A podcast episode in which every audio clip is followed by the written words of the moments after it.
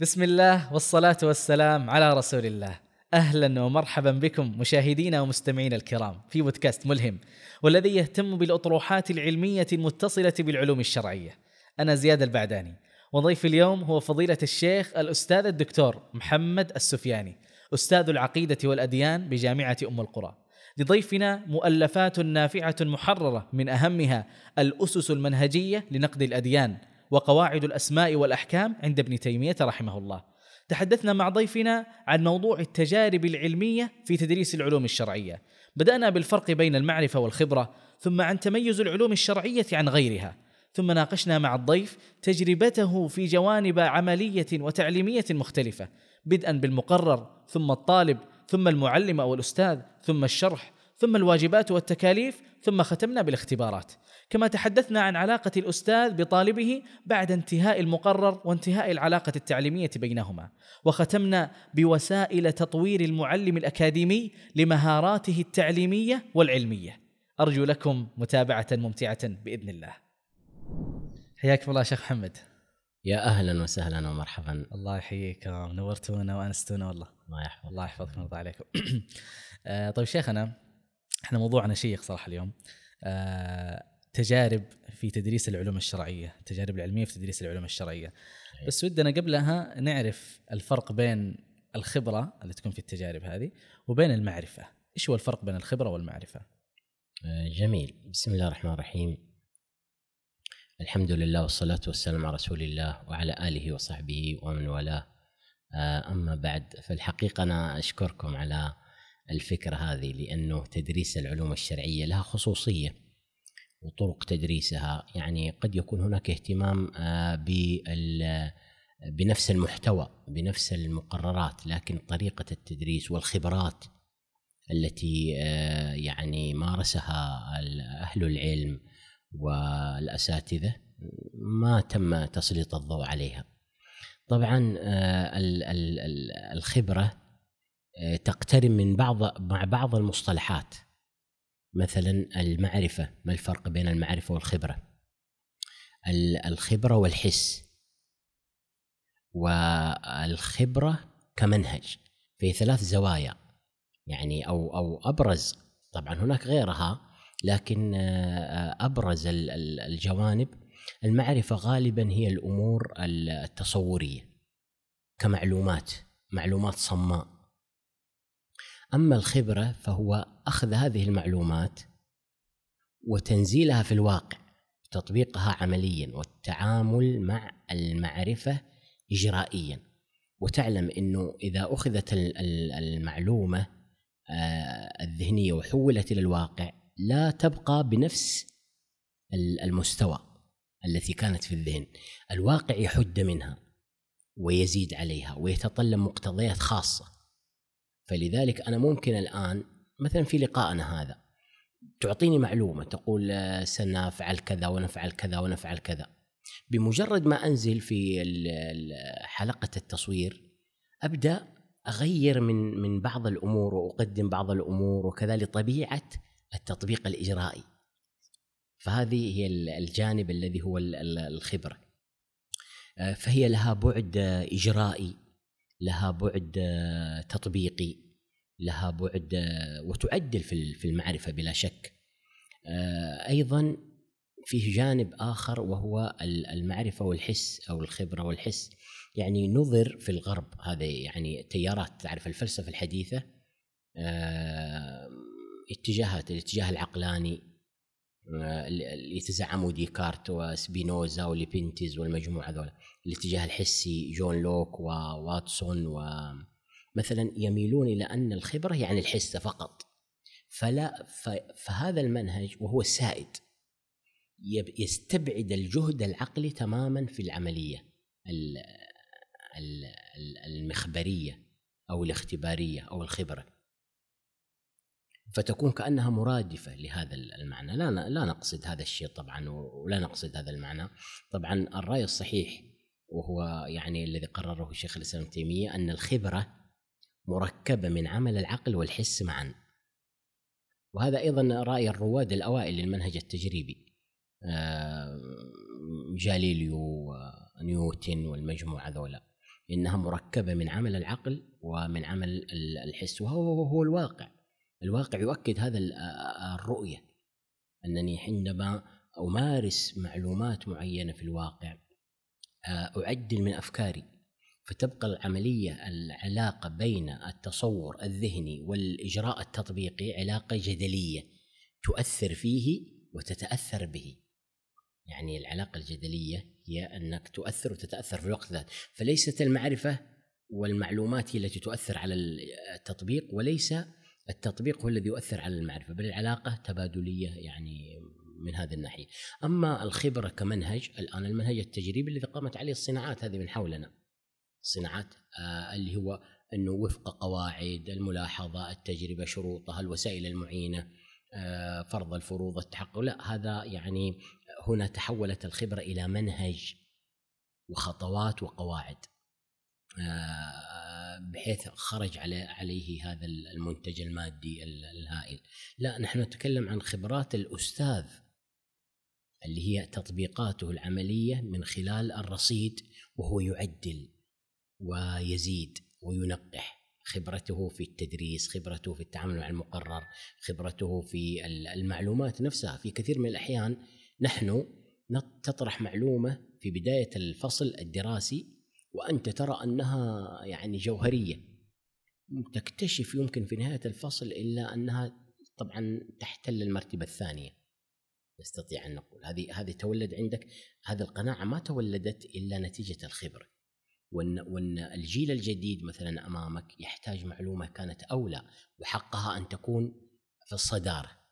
هذه كلها أمور أنت طبعا ما ألغيت الموضوعات. بالذات في العلوم الشرعية ما تقدر تقول هذا موضوع الخبرة. دخلنا بأنه الصلاة مهمة في أول الفصل وخرجنا بان لا هذا ما نتكلم عن أهمية الموضوعات لا. الأولى والأهم والذي ينبغي أن آه، يؤخر قليلا لأن الطلاب والتلاميذ يعني مستوعبين مستوعبون يستوعبونه بشكل جيد. فأنت ما تحتاج تتعب نفسك فيه. وهناك حقل آه، يعني مهمل آه، في هذا الجانب. جميل. طيب الله يحسن إليكم. بالنسبة لي طبيعة العلوم الشرعية هل هي هل تدريسها يختلف عن تدريس باقي المواد الأخرى آه، المختلفة؟ يعني هل للعلوم الشرعية طبيعة مختلفة؟ طبعا آه، هناك تياران كبيرة في علم المناهج. المنهج يعني نقدر نقول الغربي يتعامل مع العلوم الشرعية على أنه لا فرق بينها وبين العلوم الأخرى تماما. وعنده أدلة صحيحة لكنها مختزلة. فهو لما رأى أن الرياضيات لها قواعد الفقه له قواعد. مثلا الهندسة أو الفيزياء لها مؤسسين ولها تطور. علم الفقه والعقيدة للعلوم الشرعية لها مؤسسين وتطورت ولها كتب ولها.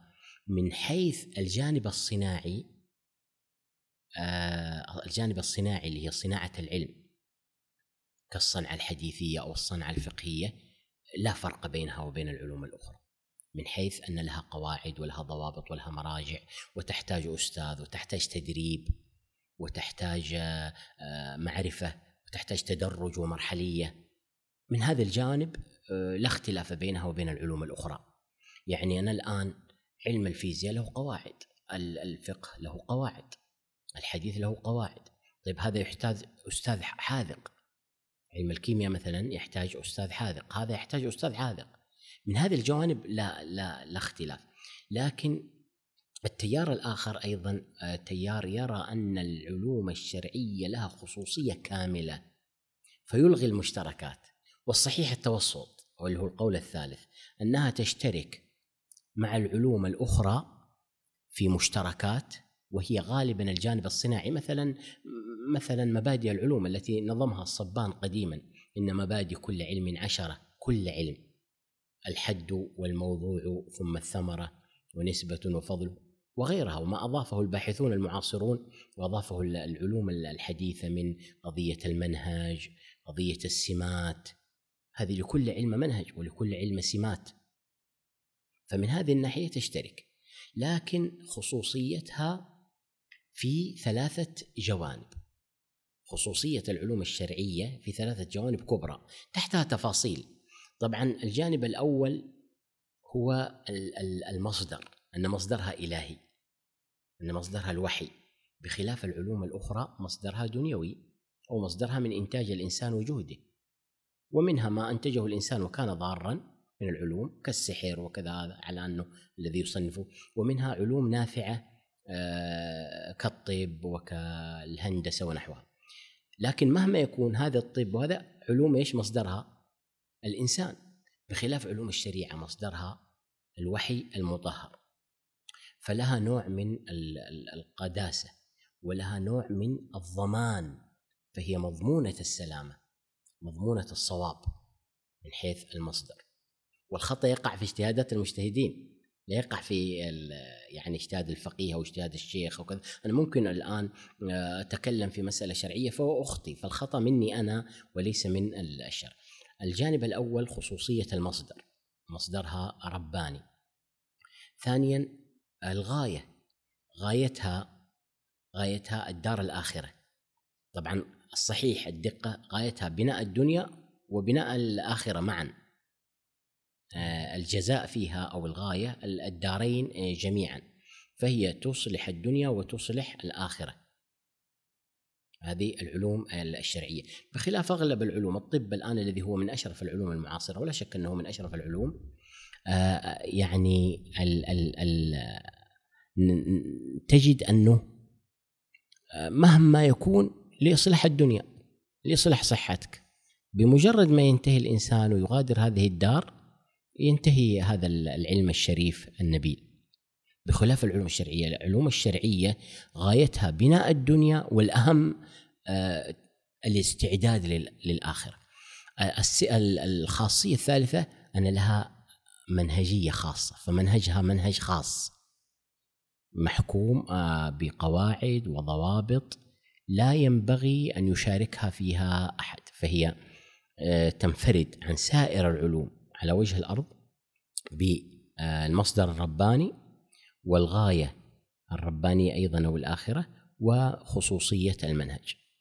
جميل الله يحسن إليكم آه، لكن بعض اصحاب النظريات العلمية الحديثة يعيبون على آه، يعني الممارسين في تعليم العلم الشرعي إنهم إلى الآن لا يزالون يتمسكون ب طريقة عتيقة حسب قولهم يعني إنها طريقة عتيقة، طريقة تقليدية آه، درس من مكون من شيخ يلقي القاء آه، على الطلاب الطلاب فقط يتلقون ويستمعون ويكتبون ثم ينصرفون. بينما مثلا أصحاب هذه النظريات يقولون لا التعليم يعني الآن أصبح فيه نظريات جديدة وحديثة نظرية التعليم التعاوني نظريات يعني عديدة.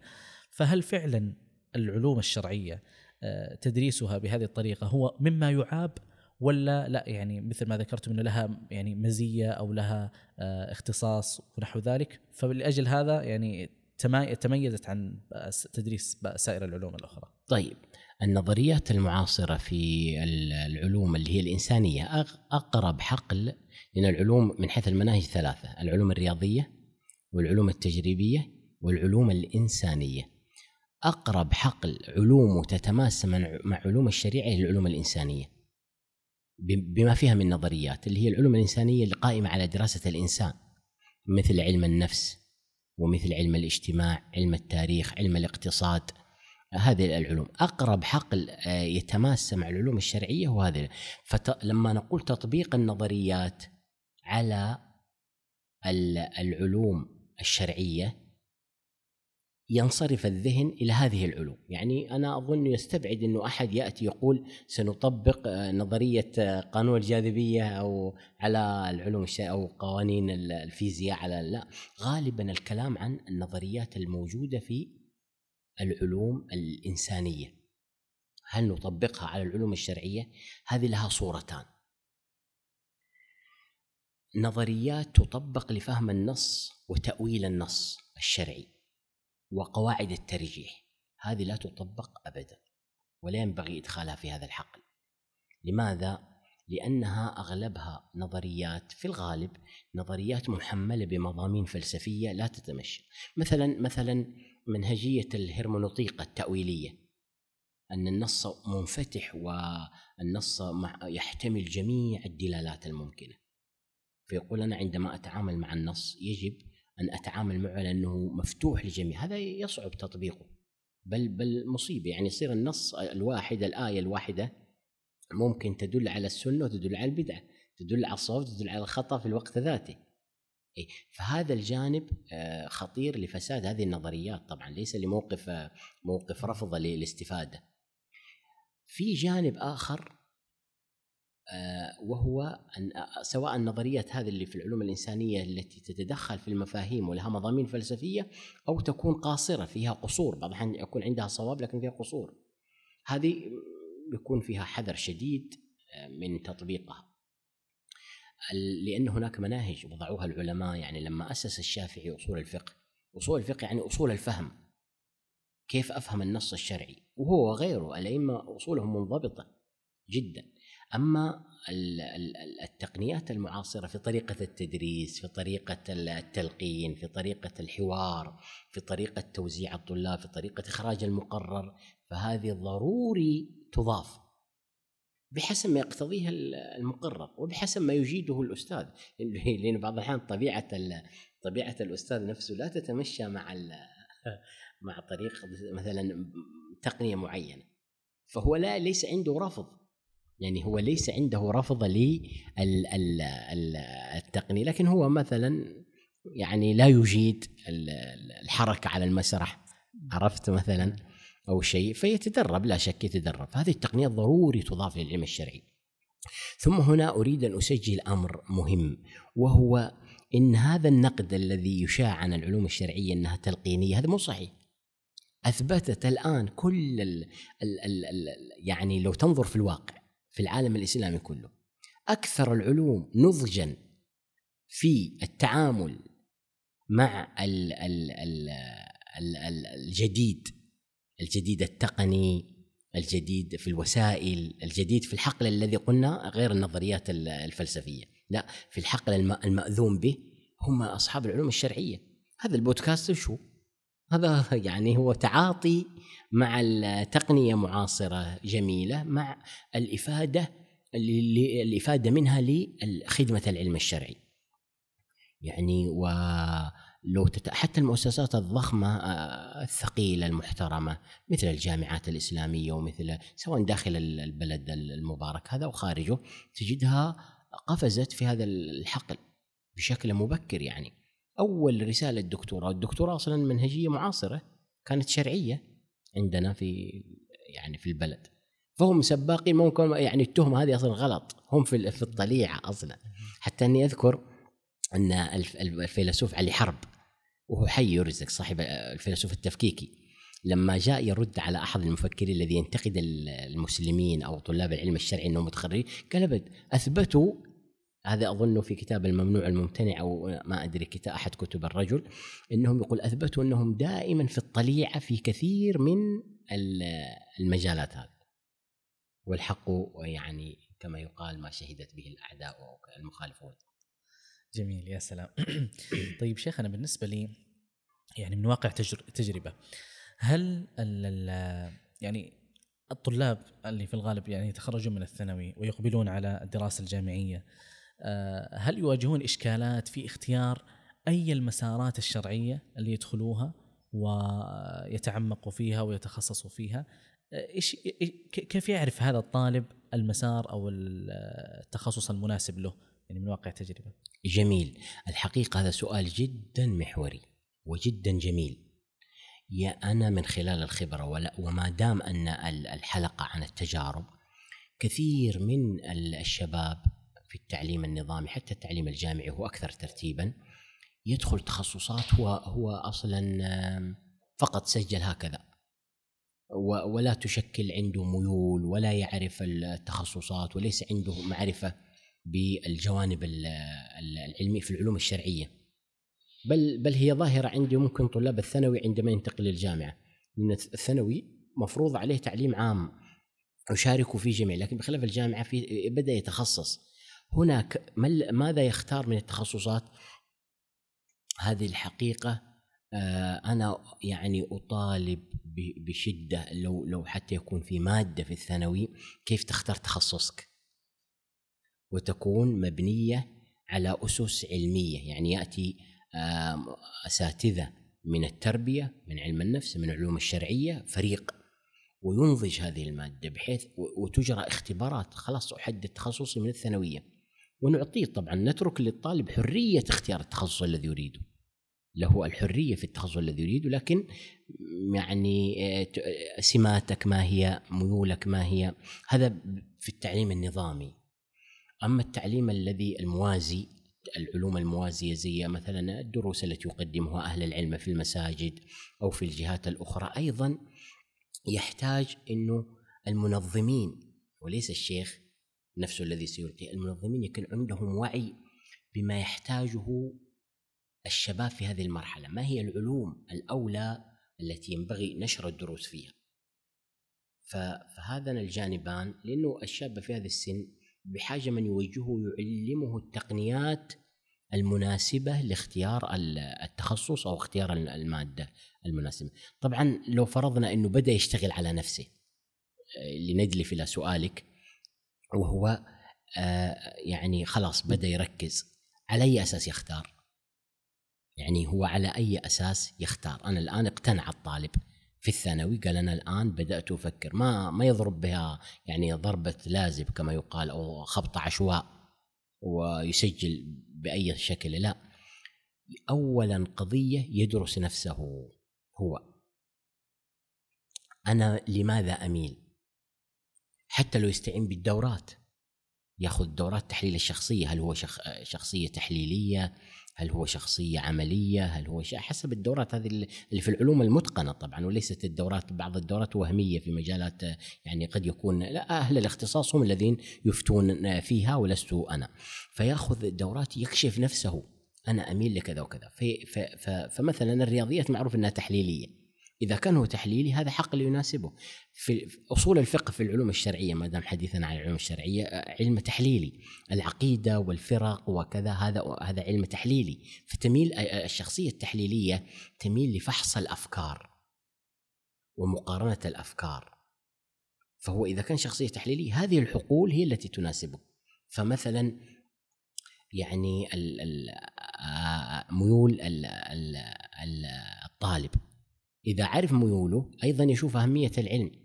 العلوم ليست على مرتبة واحدة. فمثلا عندك في العلوم الشرعية علم العقيدة أساسي علم الفقه أساسي. هناك علوم ضاربة في التراث. تداولتها الأمة وأنضجتها واشتغل عليها أهل العلم عشرات السنين. هذه علوم عميقة جدا. هذه علوم أساسية. لا ينبغي يعني جهلها. آه، وفي علوم هي مثل السلطات حول هذه المائدة.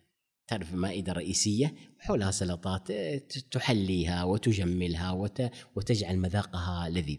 بعض الشباب ممكن يركز على هذه الجزئية فيضيع وقته في في السلطة يعني لا مؤاخذة ويترك العلوم علم الحديث. علم يعني لا يحسن الآن بطالب علم لا لا يفقه هذه الأمور ولا ولا ولا يعرفها. لا سيما ويعني السلف مركزين عليها تركيز قوي. ولذلك أنا يحضرني نص لشيخ الإسلام ابن تيمية يقول والعلم ما قام عليه الدليل. والنافع منه ما جاء عن الرسول صلى الله عليه وسلم. يعني أي علم قام عليه الدليل مثل الرياضيات مثل في هذا علم قام الدليل على صدقه وثبت بالبرهان صحته. لكن النافع منه ما جاء عن الرسول صلى الله عليه وسلم. والشأن في أن نتكلم بعلم وهو إما نقل مصدق وبحث محقق. وما سوى ذلك فزخرف مزوق وإلا فباطل مطلق. أنت لاحظت يعني التقسيم؟ التقسيم جدا آه، جميل. يعني في إن العلوم تتفاوت وفي أمور مزوقة نظن أنها علوم وهي ليست ليست علوم. فضروري للمبتدئ أن يرى هذا العلم أصيل ولا ما هو أصيل؟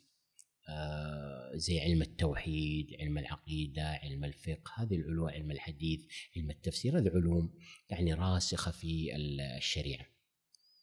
جميل. اذا هو الآن يعني آه، عنده عدد من المحددات اللي من خلالها يختار هذا العلم آه، اللي يراه أنسب له إما مثلا بدخوله الاختبارات ونحو ذلك. آه، معرفته لمرتبه هذا العلم بالنسبة لبقية العلوم عدد المحددات الأخرى. هذا بالنسبة للطالب هذا من جانب الطالب. لكن الآن يعني نروح للشق الآخر اللي هو جانب المعلم جانب الأستاذ اللي يلقي هذه المادة. كيف يختار الأستاذ؟ طبعا يعني في حال إنه كان مثلا درس عدة علوم أو إنه آه، يستطيع إنه يعلم في عدد من من الأشياء كيف يختار التخصص أو طبيعة الدروس اللي يقدمها اللي يختارها؟ يعني شيخ مثلا أستاذ جامعي آه، يعني مثلا درس في آه، في الفقه وأصول الفقه. فالآن لما يجي يقدم درس إيش هي الطريقة اللي يقدر يختار فيها؟ والله مثلا أنا يعني ودي أقدم مثلا درس في القواعد الفقهية. أو درس مثلا في الفقه أو درس في نحو ذلك من الأمور. إيش هي المحددات بالنسبة للمعلم اللي يختار فيها العلم اللي يلقي فيها درسه؟ طبعا هو العصر الحديث يعني آه، وجه الناس للتخصص. فصار هذا متخصص في العقيدة وهذا متخصص في الفقه وهذا متخصص. الحقيقة أنا تأملت هذه المسألة ورأيي فيها أن العلوم الشرعية منهجها واحد. والمفترض أن الذي يدرس العقيدة يدرس الفقه يدرس التفسير يدرس ما دام أن منهجها واحد. لا يعني التطابق واحد لا يعني التطابق. لكن المشتركات الكبيرة في معالجة النص واحدة. مثال الآن الاحتجاج بالإجماع ومعرفة قوة الإجماع أليست تقنية ومنهجية تعتمد في العقيدة وتعتمد في الفقه وتعتمد في الأخلاق وتعتمد في التفسير؟ أيضا حمل النص على الظاهر مثلا. معي في الفكرة إذا نعم. كانت هذه المسائل. قضية التفسير طرق تفسير النص. أنا لما أفسر آية وأفهم معناها المراد بدقة أو أقترب من الدقة. هذه الفقيه لابد يدرك هذه التقنية والعقد يدرك هذه التقنية والمفسر والمحدث. أنا الآن لما أنا في تخصص عقيدة لا يحسن بي وأنا أؤلف كتاب أو أشرح درس. يمر حديث وأحتج به وأنا أجهل صحة الحديث. هذه كلها قضايا تؤكد ما قلته أنه ينبغي أن يكون آه، المتخصص في العلوم الشرعية ملم بالمنهجية. صحيح تفوت المعلومات. قد أكون أنا مثلا لست متخصص في العقيدة تفوتني المعلومات التفصيلية لكن منهج واحد.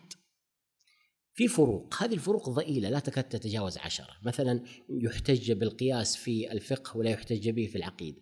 مثلا فروق بسيطة. تجدها لكنها بسيطة.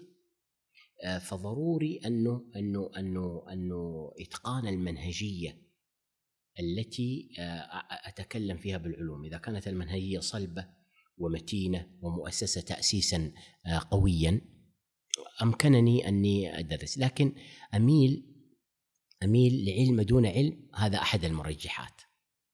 اشتغالي عليه وخبرتي فيه أكبر. آه يعني هذا مرجح أولوي. يعني للقضية. يعني أنا أضرب لك مما يؤكد هذه المسألة. الفيلسوف ابن رشد. فيلسوف. لا شأن له بعلوم الشريعة. لكنه لأنه متقن المنهجيات تكلم في بداية المجتهد بكلام أصبح الكتاب مرجع إلى اليوم. ما السر وهو ليس فقيه ولا يعد من فقهاء المسلمين يعني الإشكالية يعني أو الجانب الجميل في الموضوع أنه أنه أنه إذا أتقنت المنهجية وعرفت أدوات الترجيح ووسائل المقارنات ولغة هذا العلم أمكنك أن تتحدث فيه. فمثلا أنا ممكن أمور أيضا ترجع لميولي وأمور ترجع لضبطي للمنهجية ثم العامل الثالث وهو خبرتي في هذا الحقل. يا سلام جميل جدا. طيب الآن إذا انتقلنا من هذا المحور إلى محور المقرر المقرر التعليمي نفسه.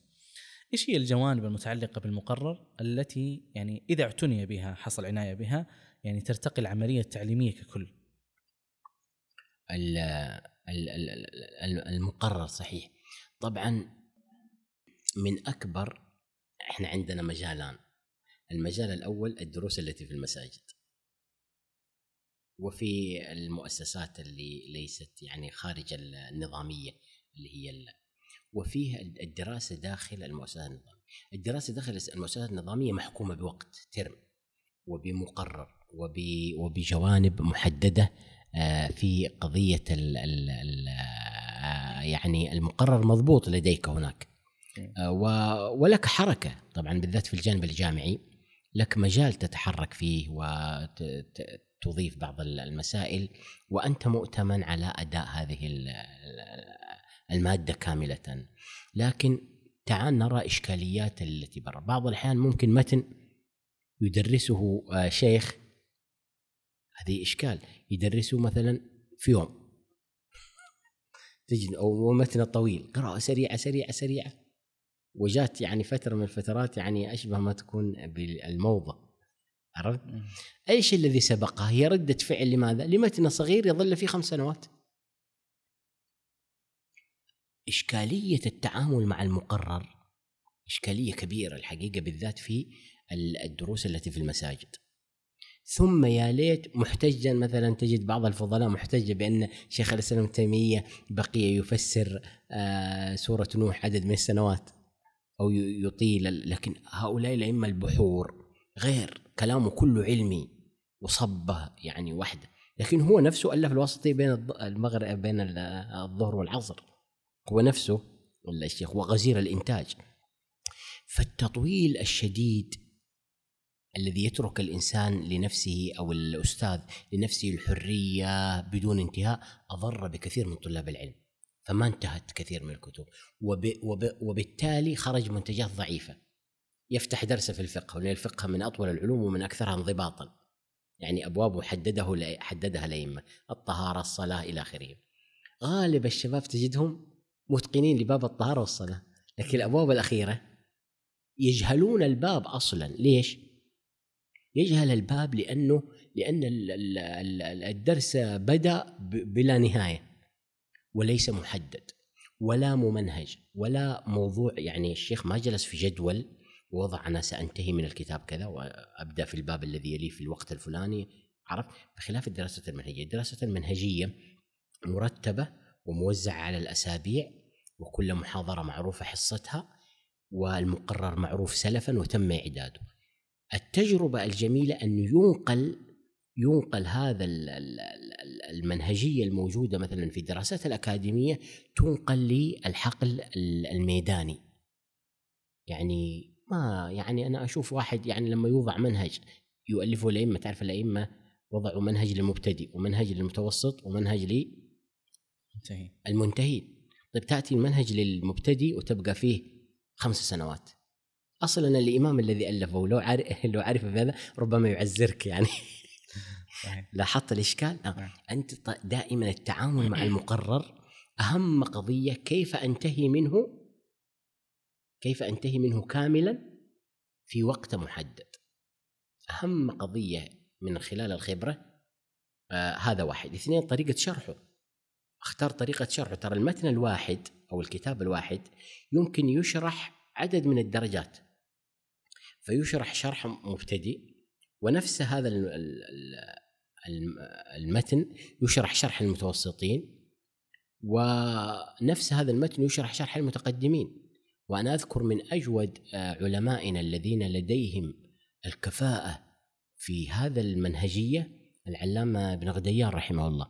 ابن غديان يشرح المتن ورجل صارم وجاد ممكن يشرح المتن للمبتدئين ونفس المتن يشرحه لي المتوسطين ونفس المتن يثوره ويشقق مسائله للمتقدمين. هذا جانب في التعامل. إذا انتهينا من المدة الزمنية وتحزيب المقرر بحيث ينتهي وينتفع الطلاب. هذا انتهينا منه. أيضا طريقة الشرح أنه مراتب. هناك شرح تأصيلي هذا المبتدئين وشرح تفصيلي وشرح تحليلي. لابد أنا وأنا أدخل للمتن أخبر. أنا قبل فترة طلب مني آه، درس في الواسطية. فسالت الطلاب قالوا أول مرة نسمع. قلت أنتم تبغون أي نوع من الشرح؟ هل هو الشرح التأصيلي؟ أما جهلهم بهذا هم جيدين أو عدم وعيهم بهذا الأمر وهم يعني من أجود الناس. معناته أن هذه الثقافة ما هي موجودة. خلاص ابدأ الكتاب واهرج زي ما تبغى. سولف زي ما تبغى وترجع لحذقك. لابد مدة زمنية. ومحزبة وأيضا طريقة الشرح وألتزم بطريقه الشرح ويكون هذا ليس من شرطنا. إذا خرجنا مثلا إذا كان الشرح تأصيلي هنا يجب أن يقل الحوار ولا ينبغي على الطالب أن ينزعج. يقول والله أنا متعود على الشيخ الفلاني يحاورنا جميل بس هذا الدرس اتفقنا من البداية إنه إنه إن أنه درس تأصيلي بمعنى ذكر المسألة وصورتها ودليلها للتأصيل بالذات عادة هذا يصلح مع المبتدئين. هذه هذه إشكالية خطيرة صراحة إيه؟ جميل. هو كذلك يعني حتى يعني آه إذا آه, آه، يعني أثناء الشرح أثناء إلقاء الدرس نفسه قد تواجه إشكالية أخرى وهي آه، الارتباط بحالة المعلم أو حالة الملقي لهذا الدرس. يعني آه، إذا ما كان في منهجية واضحة هل هو درس تأصيلي مثل ما تفضلتم تأصيلي أو تفصيلي أو تحليلي ممكن آه، في يوم يكون الشيخ يعني مرتاح وسعيد فيكون يعني ارقى مناهج التحليل يعني يدخل في مسائل ويشقق ونحو ذلك. وفي يوم آخر يكون مثلا متعب ونحو ذلك فيكون يعني درس تأصيلي يعني صحيح. بشكل مختلف لا من التجارب ما دام الحلقة عن التجارب أذكر أحد الفضلاء طلب منه درس في الحديث في البيقونية. ما أخذ إلا يمكن الأبيات الأولى. لماذا؟ لأنه في الحقيقة لا يشرح البيقونيه هي في علم الحديث يشرح الألفية. إيه. لأنه يأتي إذا في تعريف الحسن أو الصحيح أو كذا فيأتي بالأقوال جميع الأقوال من أين أخذ؟ من ألفية الحفظ العراقي أو كذا. هذه إشكالية. هذه ما كنت أجدها عند الراسخين. ابن غديان ابن عثيمين العلماء الكبار منضبطين ليس في المنهجية العلمية فقط والرسوخ العلمي فقط بل حتى طريقة التدريس. يعني الشيخ ابن عثيمين أنا اذهلني ما يعني كلما حاولت تخرجه عن الدرس ما يخرج ويرجع ونفس طويل سنين وعلى هذا هذه صرامة. هذا الجانب التربوي التعليمي ترى بحاجة أن إحنا نستفيد منه. وأيضا حتى أساتذة في الجامعات حتى في التخصصات الأخرى غير الشرعية. معروف أساتذة عمالقة معروف أنه له نفس صبة واحدة. درسنا يعني أحد المميزين في النحو يعني في أيام الجامعة أنا الحقيقة كان راسخ علميا قابض على على النحو يعني بشكل أو باقتدار.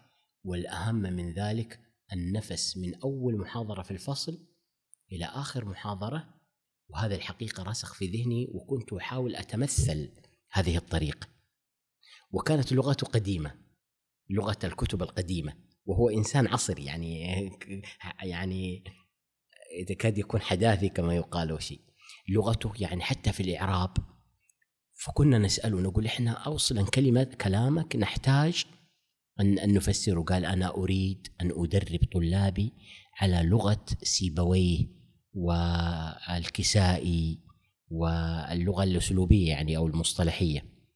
هذا هذا واعي. عندما دخل القاعة واعي ماذا سيعمل؟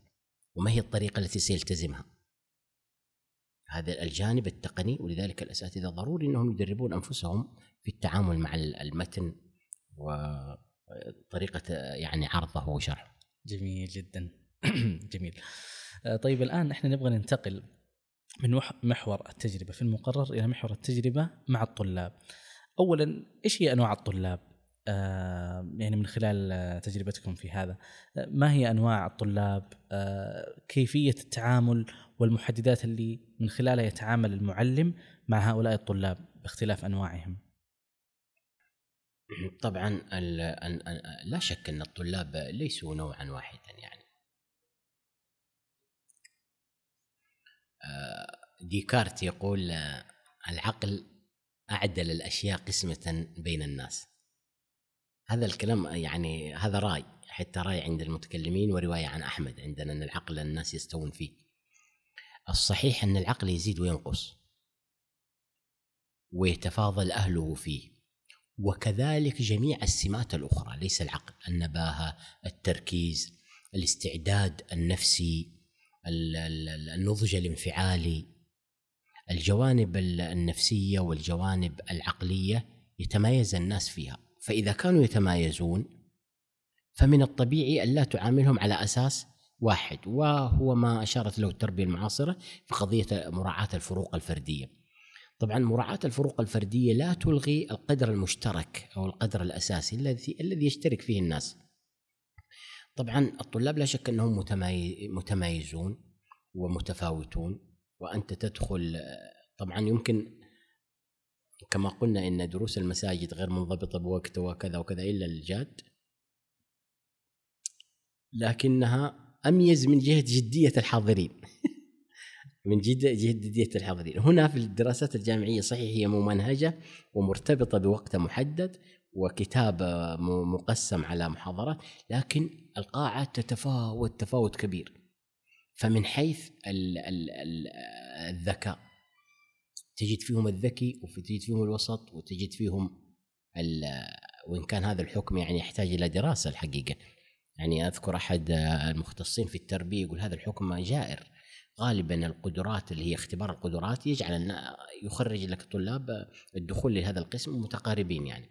اختبار القدرات حل الإشكال ذا الاثنين الطلاب منهم الجاد ومنهم غير الجاد. هذا كيف تتعامل؟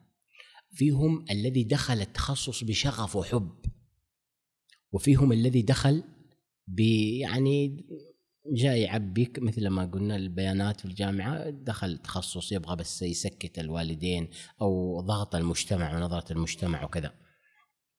أيضا من جهة المعلومات بعضهم دخل هذا التخصص وسبق أنه أخذ فيه أو قرأ فيه أو اطلع على كتب وإذا كان أسألهم في بداية المحاضرات مثلا إذا جينا ندرس مثلا في العقيدة أقول ماذا درست في كتب العقيدة؟ الحقيقة الأجيال يعني التي كانت قبل عشر سنوات أجود من من في الناحية ذي. وإن كان هؤلاء أجود في التقنية وفي بعض المهارات وكذا. أيضا بعضهم ظروف الحياة متفاوتة. ظروف الحياة رجل يحب العلم أو شاب يحب العلم لكن ظروفه صعبة في الدوام وممكن يعول أسرته. هذه تؤثر على الانضباط وعلى الشغف وعلى التركيز. وهذا قابلني أن أنواع. أيضا منهم الطبائع. في في شاب تجده وأنت تشرح واستخدت أسلوب الحوار مثلا. متحفز لأنه هو أصلا تجده حتى في الاستراحة يناقش وكذا. في إنسان متحفظ شاب متحفظ. لا, لا, أنه يكرهك أو يكره المحاضرة لكن هو طبعه هكذا لا يريد الدخول في ال في, ال في ال هذه التمايزات تجعلك حاذق أو منتبه لهذا الموضوع وتجعلهم يتقاربون. كثير الحوار هذا ربما يأخذ منك القاع يسرق منك وقت المحاضرة لأنه يحب يشارك ويشارك بكثافة. الشخص الآخر كيف تجعله يحاور قليلا يرتقي وهذا كيف يعني يهدأ قليلا حتى يكون عنده آه، مقدرة على التركيز؟ يعني ترى الحوار في بعض الأحيان لا يلزم بالضرورة يدل على جودة الطالب بعض الأحيان يدل على ضعف التركيز. أنا مرة كنت في أدرس هذه من التجارب أدرس مثلا أقول والتوحيد يعني كذا سؤال من نفس الشخص ما أنا ما خلصت. بعد شوي سؤال. يعني ممكن ذاك الشاب يسأل عشرة أسئلة في خلال دقيقتين. كثافة الحوار هذا تكشف لك العجلة إن عنده استعجال والعلم لا يناسبه الذي يريد أن الرسوخ لا يناسبه الاستعجال. الاستعجال في الكتابة الاستعجال في الإنتاج صحيح. آه، الاستعجال في تحرير البحوث لكن الاستعجال في التفهم حتى في الوحي المطهر أشار الله عز وجل إلى هذا النبي صلى الله عليه وسلم أنه لا يعجل بالوحي وكذا آه هذه التمايزات بين الطلاب تجعلك أنك إيش آه تراعي تراعي صاحب الظروف وتراعي النفسيات وتراعي هذه الجوانب يعني وهي مهمة الحقيقة كلها. جميل جدا. طيب بالنسبة لتجربتكم يا دكتور آه مع الطلاب ما هي الأمور التي تحرصون أن تصل إلى الطلاب والتلاميذ يعني في أثناء التدريس؟ جميل هذا السؤال مهم. آه أنا أذكر آه شيخنا العلامه محمد بن محمد ابو موسى يقول آه، الطالب إنما قدم إليك لي لماذا المشهور تعلمه صحيح. هو يقول لتحترمه جميل عرفت وجدت من خلال التجارب البسيطة طبعا وممكن يشاركني أهل العلم وأهل الاختصاص أنه يجب أن يشعر الطالب أنك تحترمه. يجب أن يشعر الطالب أنك تحترمه. وهذه هذه ما ظاهرة في دروس المساجد. صحيح. لأنهم حاضرين برغبة والتدين ظاهر وكذا لكن حتى آه، جميع التلاميذ. لا بد أن يشعر أنه محل احترام وتقدير آه، عالي. وحتى لو رسب يبقى الاحترام. حتى لو أخفق لا سمح الله. إن شاء الله ما أحد يعني يخفق يكون الشعور هذا. أول شيء ازرع فيه أنك تحترمه وأشعره بهذا واجعله يتأكد من هذا الشيء. إذا إذا إذا إذا شعر بهذا الحقيقة التعامل مع شرحك يختلف. وهذا في الحياة أصلا. أي إنسان تجلس معه لو أشعرك إنسان أنك غير, غير يعني أنه لا يحترمك تتوتر العلاقة. مهما قال لو أنه يمتلك من المعلومات ويمتلك من الأشوار ويمتلك من المفاهيم ما يخدمك تجدك تتوتر. ال ال الاحترام أيضا إذا إذا أعطيت الاحترام تأتي المعلومة. أنا الآن جاء لي أول قضية أحترمك. اثنين أعطيك المعلومات وأعطيك المهارات وأعطيك الأمور التي هي أهداف التعليم. أيضا أزرع فيه التفاؤل. لابد أن أزرع فيه التفاؤل. يعني أن يحب تخصصه أن يحب الجامعة أن يحب العلم ويكون متفائل. يعني نظرته يعني بعضهم يجي يقول ما في توظيف. آه كأنه يدرس للتوظيف يعني. آه ما فيه كذا. أصلا ما عندنا وسائل. الدنيا ما هي ما حد يعني تجد غالب الطلاب عندهم نفس ما أدري من فين انزرع. هذا وجدته في أكثر المجموعات. محبط. أشعره بالاحترام واحد اثنين ازرع فيه التفاؤل. قال السماء كئيبة وتجهما قلت ابتسم يكفي التجهم في السماء. فقضية يعني النظرة المتفائلة ضروري لنجاح أي شيء. فما بالك بالعلم الذي الشرعي الذي هو أشرف المجالات. أيضا زرع الجدية. زرع الجدية أن أن يزرع فيها الجدية. والانضباط وانه انه وأنه مؤهل لذلك. هو إذا تفاءل وشعر أنه مؤهل وليس شخص يعني وأنا دائما أقول لطلابي هذا. أقول أنتم كلكم على مستوى رفيع أنتم جامعيون. أنتم وعيكم وأنا صادق لأنه اختبار القدرات وصل دخل باختبار قدرات يعني قدراته جيدة ليس هذا من باب يعني التحفيز الذي لا طائل وراء لا. هو مبني على أشعره بما يمتلكه فقط أشعره بما يمتلكه هو يمتلك شيء جيد ويغفل عن هذه ما يمتلكه. إذا زرعت في هذه أتت بعد ذلك العملية التعليمية سلسة جدا. آه، أيضا تحديد الأهداف أنت ماذا تريد؟ فأنت أول شيء لازم يشعر بالإحترام. اثنين ينزرع فيه التفاؤل والشغف ثلاثة الجدية والانضباط. بعدها تحديد الهدف أنت ماذا تريد؟ أنت إلى أين تذهب؟ ماذا ستكون بعد خمس سنوات؟ علميا ما هو وظيفيا؟ هذه ما ندري عنها. علميا كيف تتخيل نفسك؟ هل أنت متقن للفقه؟ هل أنت متقن للعقيدة؟ أبواب العقيدة عرفت؟ هذه الجوانب أرى أنها لابد أن يتفطن لها الشاب. وهذه تأتي أثناء الشرح أنا كنت أطرحها أثناء الشرح يعني. جميل جدا دام أنه الحديث عن الشرح فأيضا بحكم أنه الشرح يعني أحد آه، المفاصل في العملية التعليمية فما هي تجربتكم في ما يتعلق بالشرح يعني ما هي الأمور المثرية في الشرح؟ ما هي طرق الشرح التي يعني وجدتم أنها أكثر طرق الشرح مناسبة لطبيعة طلاب العلوم الشرعية على وجه خاص والطلاب عموما يعني. طبعا آه، آه، هناك فكرة منتشرة أن الشرح الهدف منه إيصال المعلومات وإيصال المعرفة.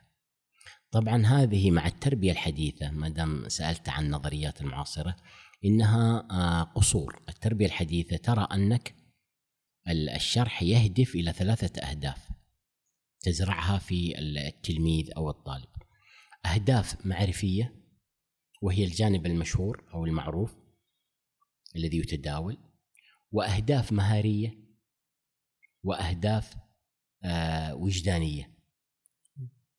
هذه الشرح يجب أن أن أن يغذي هذه الجوانب الثلاثة. أنا تأملت هذه المسألة وسألت بعض المختصين على أي أساس. قالوا الآن الإنسان على أي أساس هي ثلاثة؟ ليش ما تكون أربعة؟ قالوا الإنسان مركب من عقل مركب من روح مركب من جسد. التعليم يجب أن يبنيه كاملا. يبني الجانب العقلي والجانب الروحي والجانب آه، السلوكي. لاحظت؟ جميل. فالأهداف العلمية أو المعرفية غالبا تستهدف العقل والأهداف الوجدانية تستهدف الروح والأهداف السلوكية تستهدف السلوك السيكولوجي أو الجسدي أو الجانب النفسي في العملية التعليمية. فأنا عندما أدخل على طلابي في العلوم الشرعية لابد أن أستصحب هذه الأهداف التي أصبحت متفق عليها بين علماء التربية في العالم جميعا. أنني أعطيه معلومات وأعطيه مهارات وأبني فيه توجه.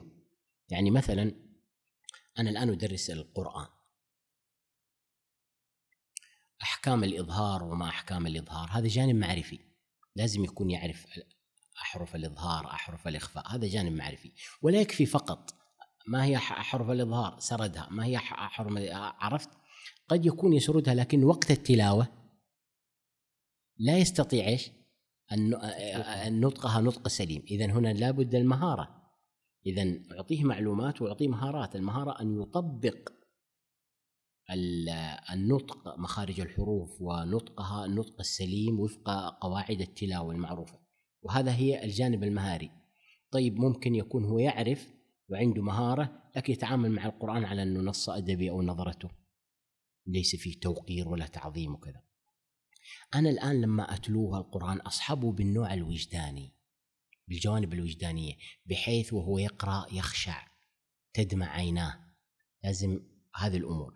أنا إذا تلا الطالب كان ما هي أحكام الإظهار ما هي أحكام الإدغام ما هي كذا وكذا وعارفها وأيضا وقت التطبيق بارع فيها وأيضا يقرأ بطهارة وخشوع. أنا حققت أهداف الشرح كلها كل أهداف الشرح تحققت اللي هي الجانب المعرفي والجانب المهاري والجانب الوجداني. كذلك في العلوم الشرعية كلها غير طبعا القرآن العقدي أن يكون عنده الثروة المعلوماتية الأساسية والكافية لهذا التخصص وأن يكون آه، لديه المهارات مهارة المقارنة التحليل الاستنباط تحرير موضع النزاع هذه المهارات ضروري يكون مستوعبها ويتعامل معها بكفاءة. وأيضا عنده التوجه الديني التعظيم للنص الشرعي توقير العلم الشرعي ونحو ذلك يعني.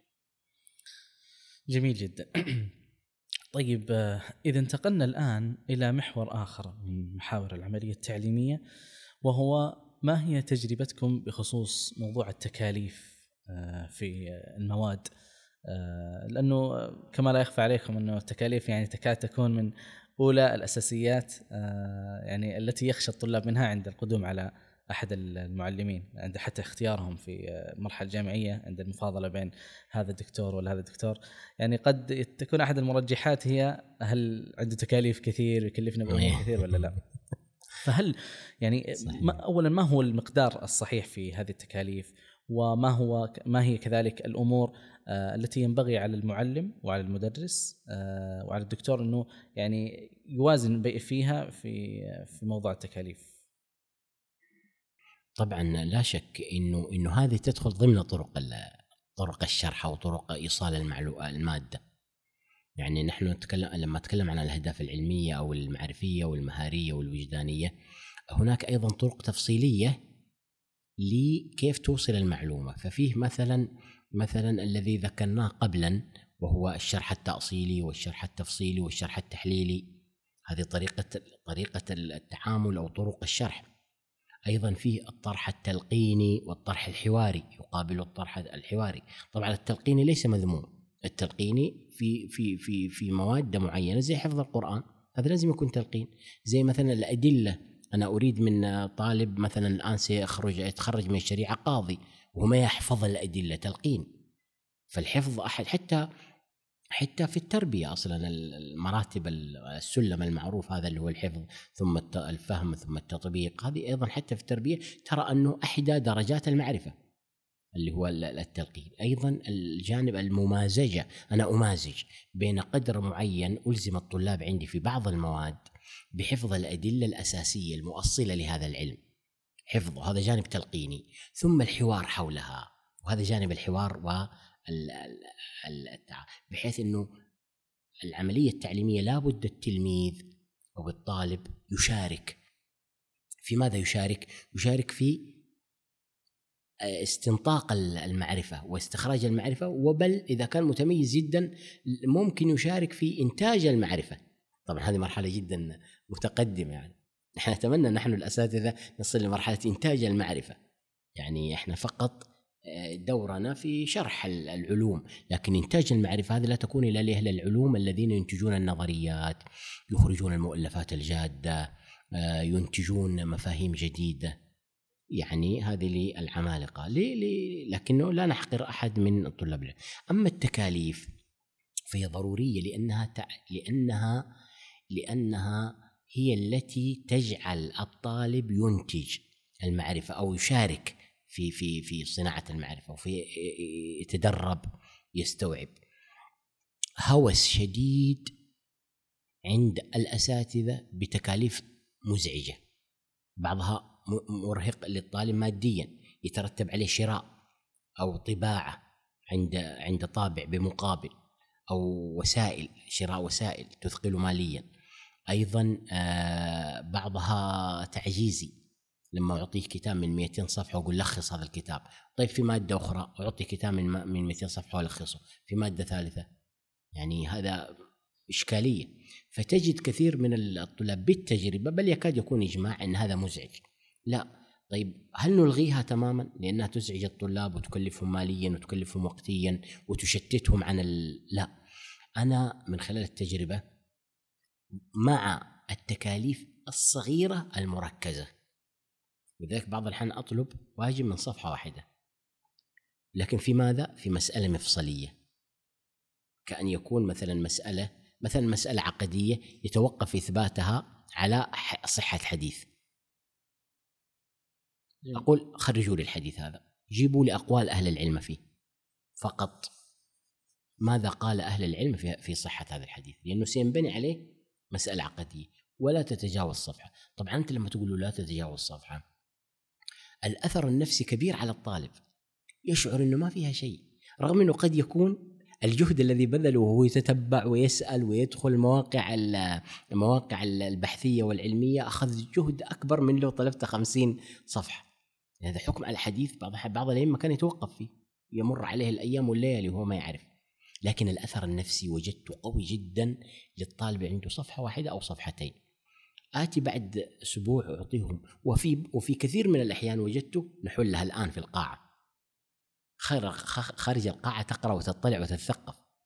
يعني أترك في كثير من الأحيان وقت لحل الإشكال الآن بالتعاون مع الطالب. يعني أنا أذكر مرة كنت أدرس التدمرية قلت وش التدمرية؟ نسبة لماذا؟ هل هي أكلة ولا طلاب؟ يعني تدمر تدمر فين؟ قلت يلا ادخلوا الآن شوفوا من جوجل الخرائط شوفوا فين مكانها. طلعوها وحددوها في دقيق. فين توجد؟ في سوريا كذا. طيب هل تدمر اللي اليوم هي نفس تدمر التي كانت؟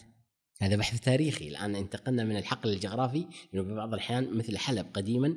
ولاية حلب ليست هي المدينة المعاصرة كانت تمتد إلى حدود العراق. في بعض الأحيان الاسم يعني عرفت؟ يحتاج له تكميم يعني بعض الأحيان. كذا. أي فدخلوا في بحث آخر. طيب ليش تدمر؟ إيش السبب في لغة الكتاب لغة عالية جدا بخلاف الكتب الأخرى؟ أنت لما يشارك ويدخل هذا قال المنتدى الفلاني. طيب هل المنتدى طبعا هو يكون يبحث هل المنتدى مصدر موثوق؟ نقلنا نقلنا هنا لمنهجية البحث. شوف مرينا على بحث جغرافي وبحث تاريخي, تاريخي وبحث منهجي في البحث العلمي في توثيق المعلومة جاي جايبها من النت كلام يعني بعض الأحيان يكون المصدر مو موثوق لاحظت؟ وهي كلها تخدم فكرة واحدة. طبعا وإن كان جغرافي وتاريخي وكذا إلا أنك لا زلت في التخصص لا زلت حول المنهج. تشغيل الطالب بمثل هذه الواجبات الصغيرة التي ما تأخذ منه ثلاث دقائق أربع دقائق أو بحث صغير في البيت من أنفع وأجود لا يكلف عليه لا ماديا ولا وقتيا ولا نفسيا وفي نفس الوقت يربطه بالتخصص.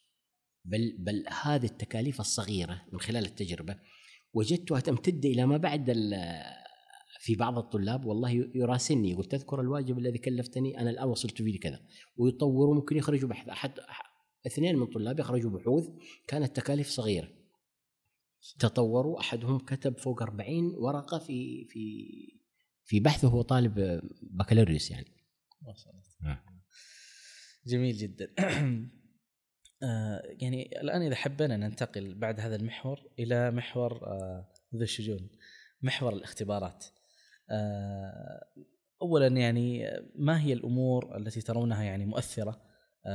بالنسبة للطلاب من ناحية الاختبارات آه كذلك يعني يعني أحد الأمور اللي من الجيد إنه تناقشوها الله يحسن إليكم اللي هو موضوع الفرق بين الاختبارات اللي كانت في الصورة القديمة اللي هي اختبارات مقالية وبين الاختبارات اللي بعض المؤسسات الحالية يعني تقول إنه هي الصورة الجيدة لاختبار فهم الطالب حول مادة معينة اللي تكون مثلا خيارات واختيار المتعدد آه، وصح وخطأ ما يكون فيها كتابة مقالية.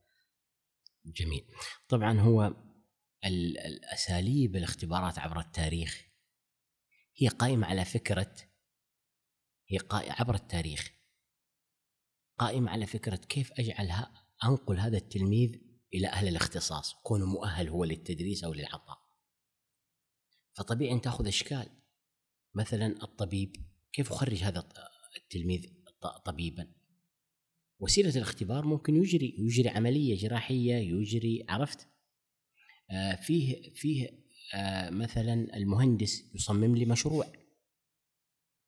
لذلك الآن في التخصصات الأخرى وسائل الاختبار يتفق يكاد يتفق يكاد يتفق التربويون عبر العالم إن الاختبارات ليست في المئة وإنما هي تقريبية.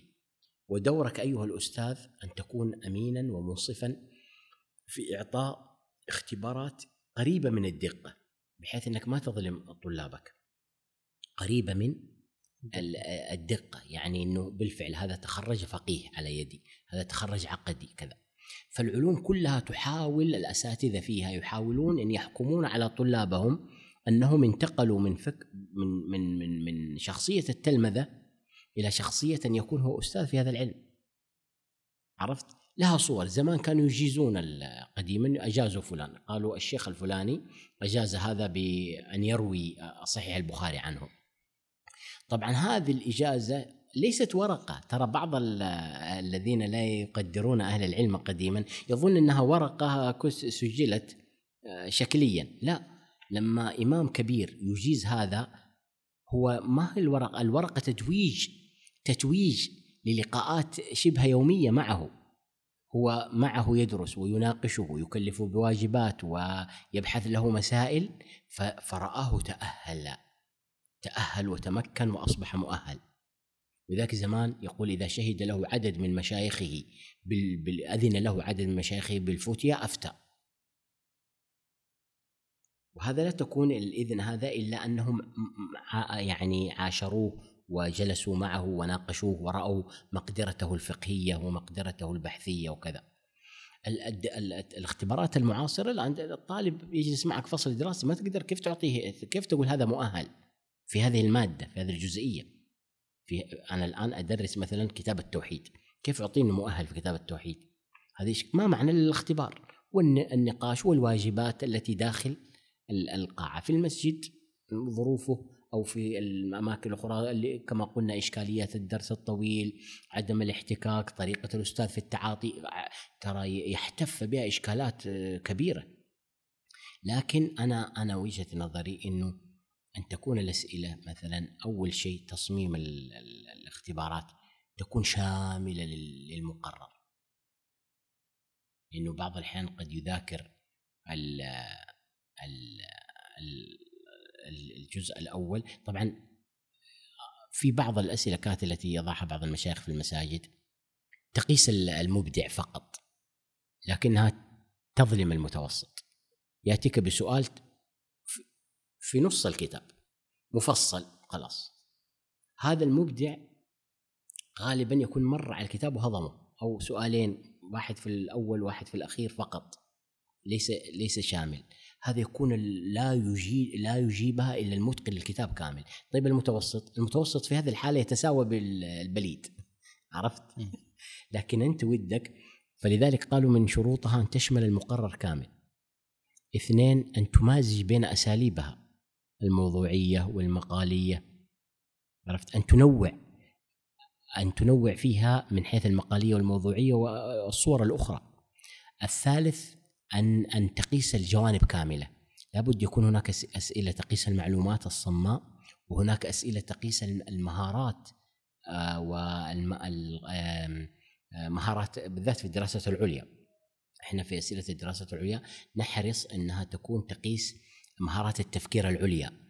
هل لديه مقدرة على التحليل المقارنة الاستنباط الترجيح المرونة؟ في قرائن الترجيح هذه ما هي بسهولة. يعني بالذات مثلا في أصعب علم أنا يكاد في نظري أني أظن أصعب علم على وجه الأرض يعني اللي هو علم علل الحديث. علم العلل هذا يعني ما هو ما هو بالشيء السهل. هذا كله يعتمد على قرائن الترجيح. وقرائن الترجيح يدخلها رجلان. يدخلها رجل مثل الدار قطني ويدخلها رجل يعبث بالعلم تماما. يعبث. شوف ممكن يكتب 15 ورقة كلها تهدم هذا العلم. لأنها قائمة على قرائن الترجيح ومهارات جدا عالية. تتطلب الحفظ الشديد وتتطلب الفهم الشديد وتتطلب معرفة الأولويات. يعني هذه هذه عاد مراحل جدا متقدمة. فيحرص أنها شاملة منوعة بين مقالي وموضوعي. آه ثالثة تقيس المهارات والمعلومات والاتجاهات. يعني تكون تحاول إنها إيش؟ آه تكشف لك آه الجوانب الأهداف الرئيسية للعمليه التعليمية. يا سلام جميل جدا. طيب بالنسبة لي المعلم أو المدرس آه الآن يعني عندما بدأ وقت الاختبار وأعطى الطلاب الأوراق كيف يدير الإشكاليات التي قد تحصل أثناء هذا الاختبار؟ كيف يدير وقت الاختبار بشكل عام؟ الحقيقة نحن يعني عند أساتذة الجامعات بالذات المعيد، المعيد يتورط. شوف في التعليم العام آه، فيهم ميزة يأخذون دورات. يأخذون دورات آه، تربوية، كيف يدرس، كيف يشرح، كيف يعني يحضر ويعرض التحضير على المدير. عندهم كذا. لكن المعيد غالبا يكون ذكي ومتفوق وممكن الأول على الدفعة لكن تنقصه هذه الأمور. فإذا جاء في, في وقت الاختبار ما أخذ دورات مثل التعليم العام ولا تدرب جيدا. فإذا جاء في يشرف على الاختبار يتفاجأ إن في طالب يحاول يغش. يرتبك ما يعرف كيف يسوي. أيضا يتفاجأ في بعض الأحيان القاعة تكاد تخرج عن السيطرة هذا يتكلم وهذا يتكلم. طبعا هم عادة يسدون هذا الإشكال بوجود أكثر من مراقب. فإذا أرسلوا يعني إحنا كان عندنا مثلا بالذات المعيد الجديد يرسل معه أستاذ قدير. يعني سبق الخبرة يتدرب على يديه في المراقبة وكذا.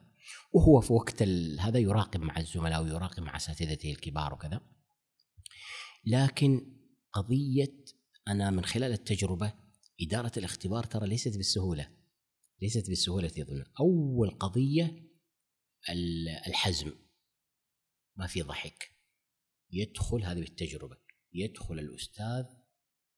طبعا يقول هذه طريقة تجعله متوتر الطالب صح؟ يعني. لا مو صحيح إيش متوتر؟ أصلا يجيك نايم ما عنده ولا همه هذيك متوتر في التخصصات الصعبة جدا الصعبة جدا لكن التخصصات غالبا الشرعية يجيك أصلا أغلب أنا من خلال التجربة يجيك أنت بحاول إنك ترفع ترفع الهمة عنده والهم عنده ما يندر أني أجد طالب متوتر بحاجة إلى تلطيف الجو ولذلك بناء عليه الحزم عدم بالذات على الأقل في النصف النصف الأول من الوقت. الشيء الثاني والمهم تعبئة البيانات كاملة. ضروري أنا يعني أحاول من خلال التجربة لأن إيش؟ بعض الأحيان تجيك ورقة ما فيها نسي الطالب. ما أدري هذا فين عايش. ورقة ما تعرف هي لمين دخل في هذاك ومشى فكثير حتى بعض الزملاء الذين ليس لهم خبرة بالذات يعني بعض الأحيان لما فتحت الجامعات التعاون يأتيكم تعاون ما لهم خبرة يتفاجئ إن عنده ورقة ما يعرف طيب هذا فينك أنت؟ أنت وقت إدارة الاختبار. قضية الحزم في الوجه والمنظر اثنين لابد تمر عليهم في خمسة دقائق يعبون كامل البيانات اسمه والرقم الجامعي والجوانب ذي. الجوانب هذه هذا بس تجربتنا في في الشأن الأكاديمي. الشيء الثالث في التعامل مع حاجات الغش بعضهم أنا أذكر موقف حدث أمامي أستاذ كبير بروفيسور في تخصص آخر كان يراقب معي ما أدري كيف جاي يراقب وأنا أراقب مادة كانت ما أدري كيف يعني أذكر إنها كانت عجيبة ذيك المادة إن إحنا ما لنا صلة بها أصلا هي من تخصص آخر. وطلب منا أظن الزميل غاب أو كذا وما حضر. تشاد مع الطالب ورفعوا صوتهم على بعض. مشكلة هذه. يعني حاول يغش أكثر مرة. لا. أنت أنا في كثير من الأحيان أضع علامة استفهام وأتركه. أضع علامة ورقته هو يبدأ يخاف يرتبك. إيش هذه وليش؟ ولا لا. لأنك لو قلت له اطلع ما بطلع لأن ما حقي. أنا عرفت. خلاص ضع علامة استفهام واتركه يكمل اختباره. وهذه العلامة إن هذا حاول الغش. حاول. طبعا الغش له شروطه لا اتدخل فيها لأنها محسومة من النظام. يعني إجراءات معينة لكن محاولة الغش. أنت هنا أستاذ أنت المسيطر. تستطيع أن لا توتر الطالب ولا توتر القاعة ولا تربك المجموعة ويكون لديك يعني المهارة الكافية لحسم هذا الموضوع. حتى ترى في المساجد مثلا دروس كان بعض المشايخ ندرس عنده يضع اختبارات نهاية كانت جميلة نستفيد منهم اللمسات. بعضهم هنا يظهر المرونة والود وال يعني بعضهم يعني أذكر كنا ندرس عند شيخ التدمرية قرأناها قراءة فاحصة. حتى كان يحضر كتب الفلاسفة وكتب المتكلمين ويقارن النصوص. كانت يعني من أمتع اللحظات. وقت الاختبار وزعنا في المسجد وضع اختبار وهذا غريبة في دروس المساجد. أحضر يعني يذكر قهوة وأحضر أشياء. وكنا نجيب ونحن في في حالة من ال على قول الصوفية من حالة من النرفانة يعني. جميل جدا. طيب الآن انتهى الاختبار وانتهت المادة. آه، علاقة الأستاذ بالطالب بعد انتهاء المادة هذه لعلها من الأمور التي يعني في الغالب أنه يمكن بعض الأساتذة خلاص بمجرد ما تنتهي المادة ويعني خلاص الطالب ترصد له نتيجته حتى بعضهم بعض الدكاترة خاصه يعني يحذف أرقام الطلاب أو يلغي التواصل بعضهم يعني إذا كانت فصل دراسه على نهاية الاجازه الصيفية يقفل جواله يكون هذاك الجوال الخاص بالعمل فما هي طبيعة العلاقة بين المعلم وبين الطالب بعد انتهاء العلاقة الدراسية بينهما؟ شوف هي علاقة الود والاحترام والتقدير يجب أن تكون من أول يوم في التدريس وثاني يوم وسط الدراسة وبعد انتهاء المادة. علاقة الود والاحترام إذا انبنت شيء ترى الود مو بسهل. الله عز وجل امتن به على رسوله صلى لو أنفقت ما في الأرض جميعا. لاحظت كلمة هذه لما يمتن بها ترى ما هي بالسهولة فأنت أجد أنا بعض الأساتذة لا يحرص عليها. وكأنها أمر غير مهم يعني. بينما هي آه هي عملك أو أو طيب أنت تبني الود مع من؟ نفترض الأستاذ يبني الود مع من؟ مع الشباب أخويا في الاستراحة أنت معي في الفكرة؟ طلابكم أولى الناس بهذا الود أنا أشوف الشيخ بالذات طلاب العلم الشرعي الذين عندهم رسالة رسالة إيصال الوحي للنفوس أهم قضية يبنيها مع الطالب الود والاحترام والارتباط الوثيق يعني مثلا إحنا كنا نسمع في عند الموجهين الأسريين في الأسر وكذا يقولون تجد ناجح في وظيفته ناجح وموتر العلاقة بينه وبين زوجته ووالديه. إشكال كبير. نفس هذا الإشكال نقوله عن أهل العلم والأساتذة الذين يدرسون العلم الشرعي. تجد قد يكون ناجح خارج خارج الحقل الذي هو وضع نفسه فيه. أنت الآن وضعت نفسك تعلم العلم الشرعي. أهم قضية أنت وضعت نفسك فيها. ثم توتر العلاقة بينك وبين الطلاب إشكال. يعني أنا أشوفها تناقض. صحيح. عرفت؟ أنت ليست أمر هامشي في حياتك. أنت ما دخلت مشروع تجاري. تقول هذا مشروع بجربه سنة سنتين. إن نجح أهلا وسهلا. ما نجح يعني ما يهمني لا هذا مشروعك الذي هو تعليم العلم الشرعي.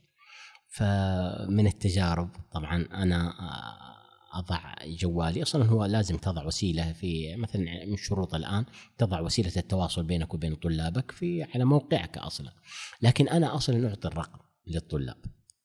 فأقول لهم وهذه دار بيني وبينها من التجربة هذه تجربة ولا أعممها للمشاهد أن ينتقدها يوافقني المجال يعني متروك لل لكن أنا أعطي الرقم وأقول متى تتصلون؟ إذا كان عندكم إشكال أو ترسلون بالذات أنا أفضل رسائل رسالة في الإشكال لأني بعض الأحيان يتصل وأنا الوقت غير مناسب. آه، أوجههم لانهم يرسلون أفضل من أن يتصلوا. فيقولون نتصل متدربين على الجواب ذا. يقولون نرسل وقت الدوام يا شيخ. يا دكتور نرسل لك وقت الدوام. لأن إحنا خارج الدوام أقول لهم أرسلوا الساعة ثلاثة في الليل. خذ حريتك ليش؟ لأني مصمت الجوال. إيش يضرني أنا؟ فأحد الفضلاء مرة تخيل أحد الفضلاء وأنا معي في السيارة يتصل علي أحد الطلاب. كنا بعد المغرب. أرد عليه ناقي أشوف المسألة ما أخذت ثلاث دقائق قال لي أنت تعطي جوالك لل- للطلاب؟ قلت إيش المشكلة؟ قال يا أخي يزعجونك لازم يتعاملون يتعاملون معي بالإيميل. قلت ط- وين يزعجونك؟ يعطونك. أنت كأنك في آه، يعني أمامك آه، يعني ناس شغوفين بالعلم كل يوم يتصل. شبابنا بحاجة من يشجعهم صح؟ صحيح. هو كأنهم يعني زي قطرب قطرب يقولون سماه سيبويه. الإمام قطرب سماها أستاذه سيبويه اللي هو جبل النحو رحمه الله. يقول كان يخرج قبل الفجر فيجده عند الباب. قبل الفجر يخرج للصلاة فيجده عند الباب ينتظر الدرس فيقول يا لك من قطرب ليل فسماه قطرب على هذا الأساس. طلابنا ما يعني إحنا نتمنى يكونون مثل هذا لكن ما حد بيتصل عليك. أنا على كثرة ما أرمي الرقم هذا بعطيه دائما للي يتصل للي يسأل للي يناقش. ما عمر حد أزعجني لا بإتصال ولا برسائل. ومن حقه حتى لو اتصل لو ازعجك هو طلابك أنت المعرفة. ولذلك يقولون في تراجم الأئمة الكبار كان لا يمل من أسئلة السائلين. أنا رأيت ابن عثيمين بعيني ينتظر السائلين في الحرم بشكل يعني لعل نرجو أن يكون يمكن اجره ممكن في هذا الجانب أكبر من أكبر من أنت معلم علم شرعي. يعني خليه يسأل. والله لا أذكر من خلال تجربتي على كثرة ما أردد هذه العبارة ارسله في أي وقت إن جاني أي إزعاج. ولو جاء لو أرسل حتى في وقت غير مناسب أنت أصلا رسالة. الآن ممكن ونحن في هذا الباسكت وصلنا رسائل حتى بعضها مشاركات يعني يمكن كلام فاضي.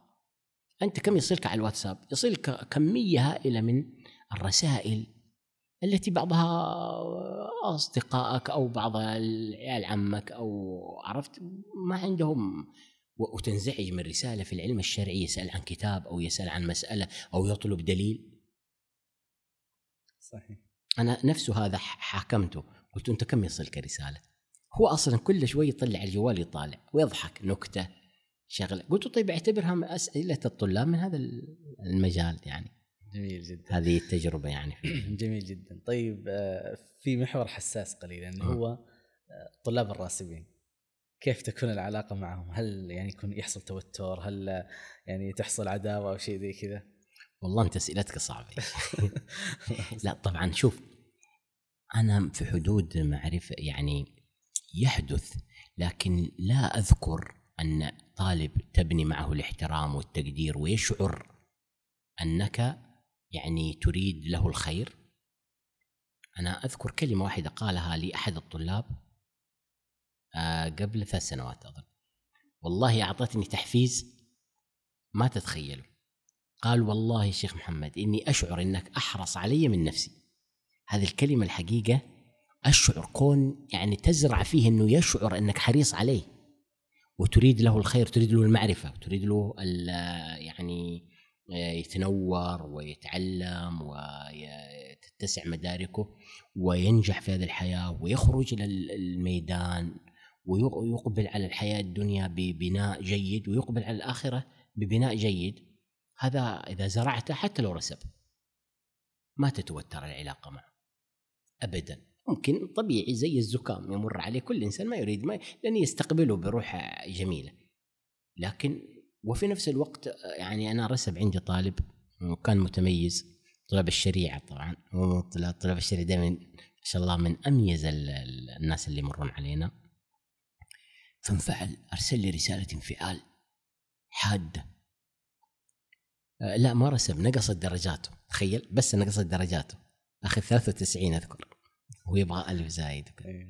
ورسالة ومدري إيش المهم ف بعد الرجوع الرسالة الحقيقية كانت جريئة. لما رجعت للورقة كذا مبادرة مني. طبعا إلا لو رجعناها للأمور النظامية لازم يقدم لمجلس القسم ومشاكل كذا. لكن خير لما نظرت فيها وجدت أني أصلا زايد أربع درجات. إيه. فلما أوقفت على ورقته يعني اعتذر و وظل يراسل راسلني إلى أن توظف. وما شاء الله يعني درجاته كلها توظف أظن في القضاء ما شاء الله وإلى اليوم وهو يراسلني. فبعض الراسبين ترى أو الذين نقصت درجاتهم ممكن تتحول تتحول بالحلم. شوف الحلم يعني هو رغم إنه قال كلام قاسي وكذا إلى صديق. وترى بناء الصداقات مع الطلاب أنا يعني أحرص عليه. يعني بفضل الله يعني يتخرج كثير من عندي دفع ما أرتب لها ترتيب لكن مع الأيام مثل له تحول إلى يعني صديق أكثر من إنه كان أي شيء آخر يعني. جميل جدا اذا لعلنا نختم ب بما يتعلق بمحور تطوير الأستاذ الجامعي المعلم الشرعي لنفسه ما هي أبرز ويعني أفضل الوسائل التي يعني يحرص الأستاذ والمعلم أن يعني آه، يمارسها ويستعملها ليطور من نفسه ومن طريقة يعني تعليمه للطلاب؟ آه، طيب بس آه، تسمح لي أضيف في قضية الراسبين؟ الراسبين غالبا كيف التعامل معهم يكون غضبان بلا شك حتى لو احترام تقدير ما الأشياء هذه. غالبا أنا أساعد الطلاب. درجات أعلى من المطلوب. تجدني في كل طالب أصلا زايد درجتين ثلاثة أربعة. كل طالب حتى الراس غالبا هذا هذا ضمان لي أنا لأبري ذمتي ولاننا قلنا ان وسائل التقويم أصلا ما هي متفق عليها بحيث إنه يعوزها الدقة. إنه لما يراجعك يتفاجأ إنك أصلا زدت غالبا يهدؤون. هذه وسيلة إنه ترى تجده غالبا يمشي من عندك حتى ولو امتعض قال والله ما قصر. معي في الفكرة؟ هذا أمر. الشيء الثاني لا يهمك أنت رضاه.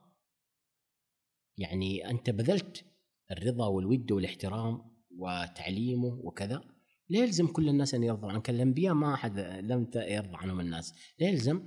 ثم في هذه الحالة يكون واعي. قضية ترى هذه أمانة. أنت ما رسبت إلا لأني أرى أنك لم تتقن هذه المادة.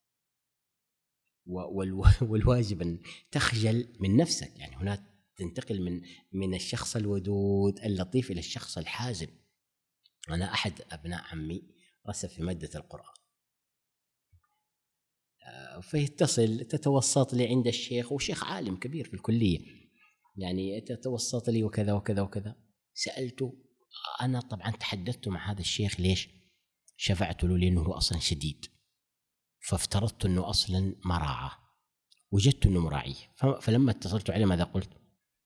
قلت أنا ما أبغاك تنجح. أفا؟ كذا يقول لي. قلت بالفعل. هذا قرآن. قرآن يعني لازم تتقن الحفظ فيه. أنت تستطيع بهذا الجزء الذي اختبرت عند الشيخ ورسبت فيه تستطيع تصلي بالناس. أنت تحكم على نفسك. قال لا والله ولا نص ولا ربع. قلت خلاص. متى ما شعرت أنك أتقنته إلى درجة أنك ممكن تتقدم في صلاة جهرية وتصلي به أن تحكم على نفسك. وأنا لن أكلمه ولا أرضى أن تظهر أنت أمامه بهذا المظهر. إنه كأن القرآن يعني مادة أو شيء لازم نمشي قال بس إحنا مستعجلين على التخرج؟ قلت عليش متخرج؟ هذا القرآن هذا فرغ وقتك له. إذا جزء أو حاجة يعني ما هو ما ياخذ وقت يعني ولا وان كان كل كلمة عظيمة من القرآن تحتاج الوقت يعني الكافي. فبعضهم لازم تواجهه. أنا في مرة طالب من الطلاب قال ما تستطيع تستدرك لي أو تحاول أجي قلت لا أنا أرى إنك لازم تعيد المادة. لأنك ما فهمتها تماما ما فهمتها ولا يجوز لي شرعا أني أني أني أني أساعدك بأي شيء شكل آخر غير أن تدرس المادة. طبعا هذا كان في الدراسات العليا يعني. هذه من التجربة. فأنت وازن بين ما من يست كذا لأنك أنت مؤتمن. انت صح ود واحترام ويعيش جو رومانسي لكن أيضا أنت عندك علم يجب أن ينزرع. غدا كيف يخرج ذا؟ إذا كان ما يعرف يبحث ولا يعرف يؤصل المسائل. يخرج هش وأنت المسؤول عنه جميل جدا جميل. طبعا من التجارب كنت أدرس آه، في الانتساب. وهذه يعني من ال... فكنت أقول وكانوا يعني يقولون خفضنا المقرر. طبعا تخفضون المقرر يخفضون أكثر. يعني لو أظنك لو تعطيه عشر اوراق يطلب خمس اوراق هذه إشكالية. فأنا قلت لهم شوفوا أنت لو ضربت لهم مثال يعني لإقناعهم بأهمية المعرفة.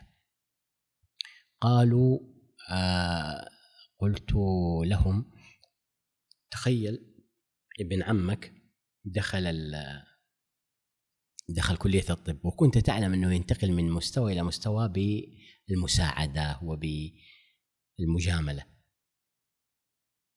طبعا هذا يستحيل في مثل هذه التخصصات أو يندر في مثل التخصصات الجادة أنه يمشي أحد كذا لكن نفترض ومشى بهذا الشكل ثم تخرج وهو مثلا طبيب أسنان فتح له عيادة أسنان أسنانك خربت أو كذا هل تذهب إليه؟ قالوا لا قلت ليش؟ قالوا نحن نعرف أنه ممكن يعني يسوي فينا مشكلة لأنه يعلمون تماما إنه مشى. قلت طيب ابن عمك أو أخوك تخرج من الهندسة بنفس الطريقة. ثم أنت في فترة بعد ذلك فتح له مكتب هندسي أو شارك في مكتب هندسي وتريد أن تصمم منزلك عنده. تصمم؟ قالوا لا. ليش؟ قالوا إنه ممكن أنا أدفع مليون ريال مليونين على بناء المنزل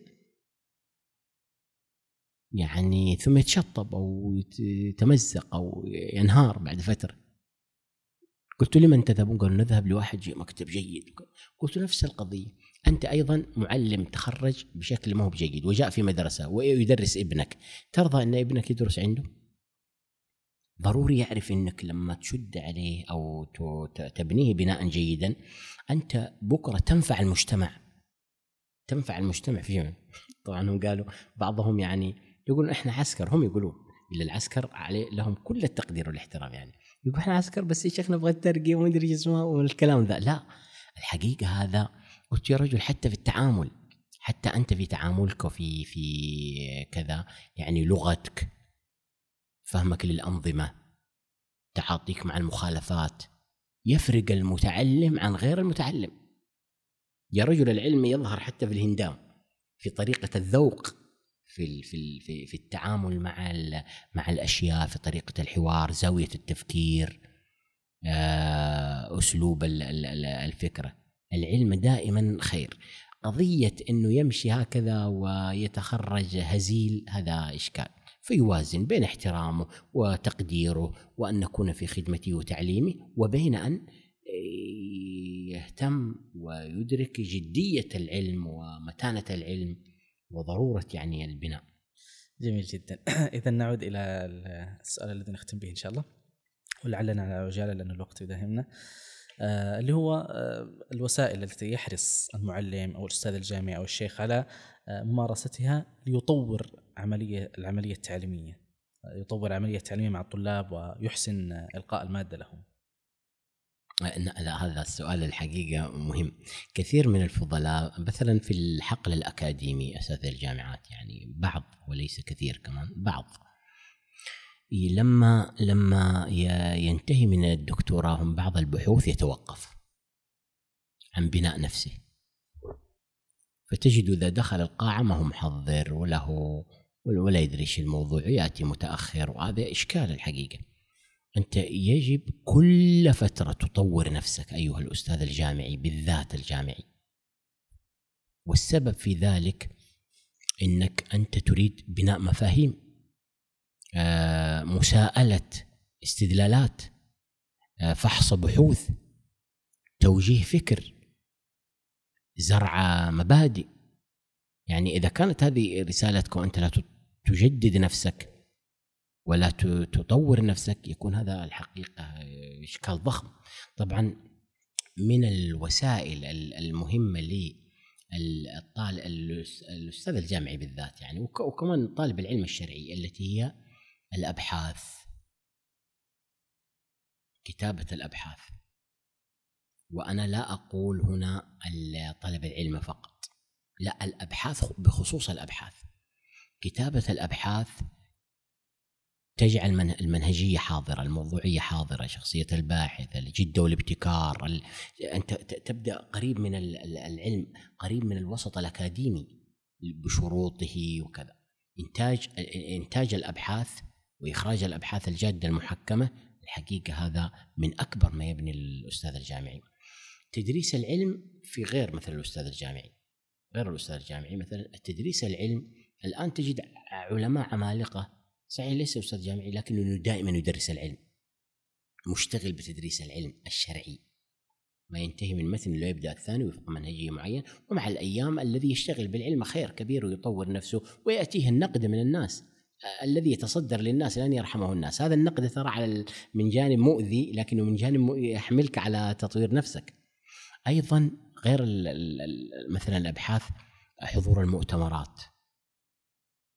ضروري حضور المؤتمرات لأنك المؤتمرات في جامعات أخرى ترى كيف يفكر الناس؟ كما قال أحمد يعني ورد عن أحمد رضي الله عنه انه جاءه رجل قال في معنى السؤال أن الرجل يطلب الحديث يخرج من بلده ولم يستكمل حديث بلده لأنه كان عندهم ترتيبات معينة تستكمل حديث بلدك وتتحمله عن أهل العلم فيه ثم تنتقل للبلد المجاور وهكذا. قال آه، يطلب العلم ولم يستنفذ حديث بلده. قال يخرج يشام الناس. يعني سوغ هذا. كلمة يشام الناس أو كلمة هي نفسها ما يسمى في العصر الحديث التلقح الثقافي أو تلقح الأفكار. لاحظت؟ هذه هذه جانب المؤتمرات تحققها في الجانب الأكاديمي. أيضا القراءة الاستاذ الجامعي وغير الأستاذ الجامعي القراءة يجب أن تكون مثل فرض الصلاة عند طالب العلم الشرعي. القراءة في التخصص يتمحور على كتاب كتابين أو ثلاثة يدمن النظر فيها وأضف إلى ذلك القراءة الواسعة. وأشار أحد المفكرين يقول تأملت عبر التاريخ وهذه معلومة جدا جميلة أن العلماء المؤثرين علماء الشريعة يتكلم عن العلماء العلماء المؤثرين هم العلماء المثقفين. وضرب مثال بابن حزم والغزالي وابن تيمية. هؤلاء علماء ومثقفين مطلع على الفلسفة مطلع على المنطق مطلع على علوم أخرى. فتأثيره جدا ضخم. الغزالي يا رجل أنا أقول لطلابي في الدراسات العليا وهذه من الطرائف التي أزعمها وأدعيها أقول لإن كان ابن رشد صانع أوروبا الحديثة فإن الغزالي صانع أوروبا المعاصرة. آه، تأثيره ليس داخل داخل التراث الإسلامي. بغض النظر عن تتفق معه في مسائل وتختلف معه لكن التأثير نتكلم عن التأثير. أرسطو لأنه خاض في جميع مؤثر إلى اليوم. حتى الغرب صار يشتكي منه. يعني برتراند راسل ماذا يقول؟ يقول إيش كلمة يعني عجيبة قوية. كلمة يعني أشد يمكن لو لو لو لم نذكر اسم القائل لظن الناس إن الذي قالها ابن تيمية واحد السلف. يقول لا نعلم رجل ابت... لم يخلق الله. رجل ابتلانا الله به كما ابتلانا بأرسطو. إنه قال كل شيء دون أن يقول شيء. يعني فقضية التأثير والتغلغل والسيطرة على الفكر لا تكون إلا بالثقافة الواسعة التي ترجع للقراءة والاطلاع. أيضا الرحلة والسفر وتوسيع المدارك و وأنا لي كلمة كانوا يتنقلها بعض الطلاب الكرام أقول بناء الثقافة يتم بالأسفار والأسفار. الأسفار التي هي قراءة الأسفار اللي هي الكتب والأسفار التي هي التجوال والنظر في آه، يعني السير في مناكب الأرض. جميل جدا يا سلام وحقيقة يعني هذا مما يلاحظ يعني آه، الحاضر على مقاعد الدراسة يتبين له هذا الشيخ هل هو فعلا آه، ممن يعني يمتثل هذه الوسائل اللي ذكرتموها ولا هو فقط مثل ما تفضلتم فيه في البداية إنه يعني يحضر آه، يحضر متاخرا ويلقي المادة هكذا جزافا و. يعني حتى يعني غالبا يجعل الطالب يقرأ ال- المتن أو ال- ال- المقرر اللي يدرس ويكون تعليق يسير. فيظهر سبحان الله حتى يعني استفادة الطالب من هذا المعلم من هذا الشيخ. وكما يقال يعني من لا يتجدد يتبدد.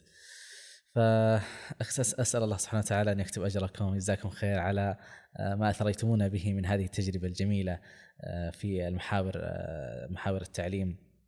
أسأل الله سبحانه وتعالى أن يجزاكم خير ويكتب أجركم وسعيدين جدا والله بالدقائق الجميلة لولا أن الوقت خلاص أزف جدا. والشكر أيضا موصول لمشاهدينا ومستمعينا الكرام إلى أن نلقاكم في ملهم جديد بإذن الله. نستودعكم الله. السلام عليكم ورحمة الله.